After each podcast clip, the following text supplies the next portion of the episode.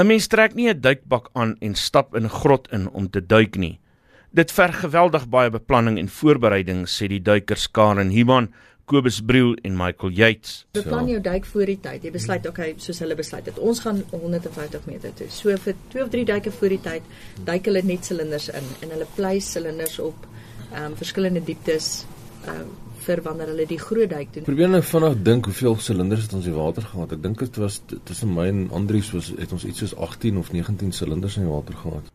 Die beplanningsproses het byna 2 en 'n half dae geduur voordat iemand die grotstelsel van Bobbejans gat naby Ottoshoop aangedurf het. Die gesprek het al Vrydag aand in die kampterrein begin waar al die moontlike risiko's en oplossings bespreek is.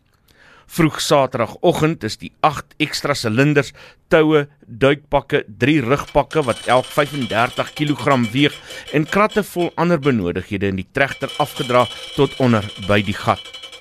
Dit het die hele Saterdag tot skemer geduur om 'n stelsel te bou met toerusting tot onder in die gat te kry. Die helfte van Sondagoggend is gebruik om die stelsel na te gaan en te verbeter en toe eers kon daar geduik word. Dissipline is die wagwoord, sê die drietal duikers. Baie mense dink dat cave diving is vir adrenaline junkies en mense wat daar uit is vir 'n thrill en daardie van ding. Dit is 'n baie measured, as ek dit sou kan sê.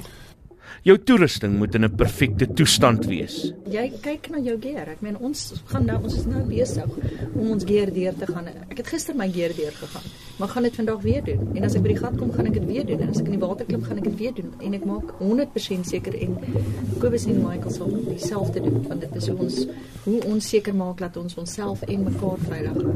Want as een ou in 'n grot 'n probleem raak, kans is dat ons 'n probleem op baie stadium. en en dit, mense gaan dood.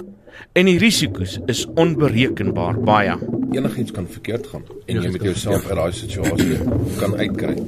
Jy het backups op omtrent alles. Ja, ja, jy het dis dit 'n Jy rule het, of jy het thirds backups op ligte, jy het backup op backups op masks, jy Jy het het, backup eh, op gas. Twee maskers, drie flitsse. Um independent lig Jy ligsources. werk op 'n rule of thirds met gas. Die rede hiervoor is dat grotte komplekse stelsels is. Probleem is kuifs ehm um, kan om om redes soos sy struktuur is, klipperig en daai tipe van ding. Jy kan altyd in 'n tipe van 'n vurk inswem wat jy nie weet jy swem in 'n vurk in nie. As jy terugkom en jy het nie 'n continuous line nie, dan kom jy by 'n T-junction mm. wat jy nie geweet het wat daar is nie in die eerste plek.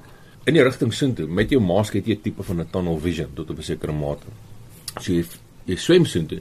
Jy sien nie dat jy 'n ander passage van jou een kant af inkom nie, maar as jy terugkom sit jy ewe skielik met twee passages wat jy nie van geweet het nie. Een van die groot risiko's in 'n grot is die feit dat jou sig belemmer word deur onder meer stoflaag. Die oomblik wat 'n siltaat gebeur, weer raak jy heeltemal disoriënteerd want jy's in water maar die silt is so in jou gesig dat jy nie weet waar jy is nie en dit is seconds. Gestel jy verloor die lyn en jy kom weer terug by die lyn. Dis Dan kan jy dalk miskien op daai stadium nie heeltemal seker wees in watter rigting jy het die lyn, maar jy is nie heeltemal seker watter rigting is in en watter rigting is uit nie. Dan is daar die beperkings van jou gas. As jy met gas werk, dan sit jy op 'n running klok. Die oomblik as jy onder stres raak, dan klim jou breathing rate. So alhoewel jy weet jou jou breathing rate is sê maar ehm um, 18 liter per minuut. Ehm um, die oomblik as jy onder stres raak, stoot jy dit op en die oomblik daar's daar's ander goeters wat ook jou jou tyd kan die feit dat jy ehm, dat die feit dat jy die hele tyd swem in 'n grot swem jy die hele tyd jy dryf nie rond soos in die oseaan wat jy in 'n current val en daar gaan Jy kan 'n entanglement kry en daai tipe van ding. Baie ek dink nie in Suid-Afrika so baie nie man. Van van die ander caves het jy ook ehm um, currents, strome. So jy kan verder en dieper inswem in 'n in. En as jy terugswem, swem jy tipe van teen 'n current. So dan gebruik jy meer energie wat langer kan vat. En 'n mens swem nie dadelik uit as jy besluit dat jy het nou genoeg gehad nie. Jy het virtual ceilings bokant jou, decompression ceilings. So as jy nou jou diep duik gedoen het, kan jy net jou pad uitwerk en jou jou komputers hou jou op sekere plekke vas en dan sê vir jou kan jy moet nou ehm um, vir vir die volgende 5 minute eers op hierdie diepte decompress of op hierdie diepte en dieper. So ehm um, dan begin jy self opwerk deur die deur die deur die levels. Jou ceiling is jou ceiling vir son. Ja. En en as jy kan nie sê jy kry nou koud. Ek ek kan dit nou nie meer hierdie Kom koue hanteer nie. Ek gaan nou uitklim nie. Dit is dit is fatal. Daarom is daar reëls wat streng nagekom moet word. Al hierdie reëls en standaarde ja. standaarde wat daar buite is, is gekreë deur dinge wat gebeur het in die past. En Ja, hulle sê die reëls van hierdie game is in bloed geskryf. Dit was die stemme van Karen Human, Kobus Briel en Michael Yates.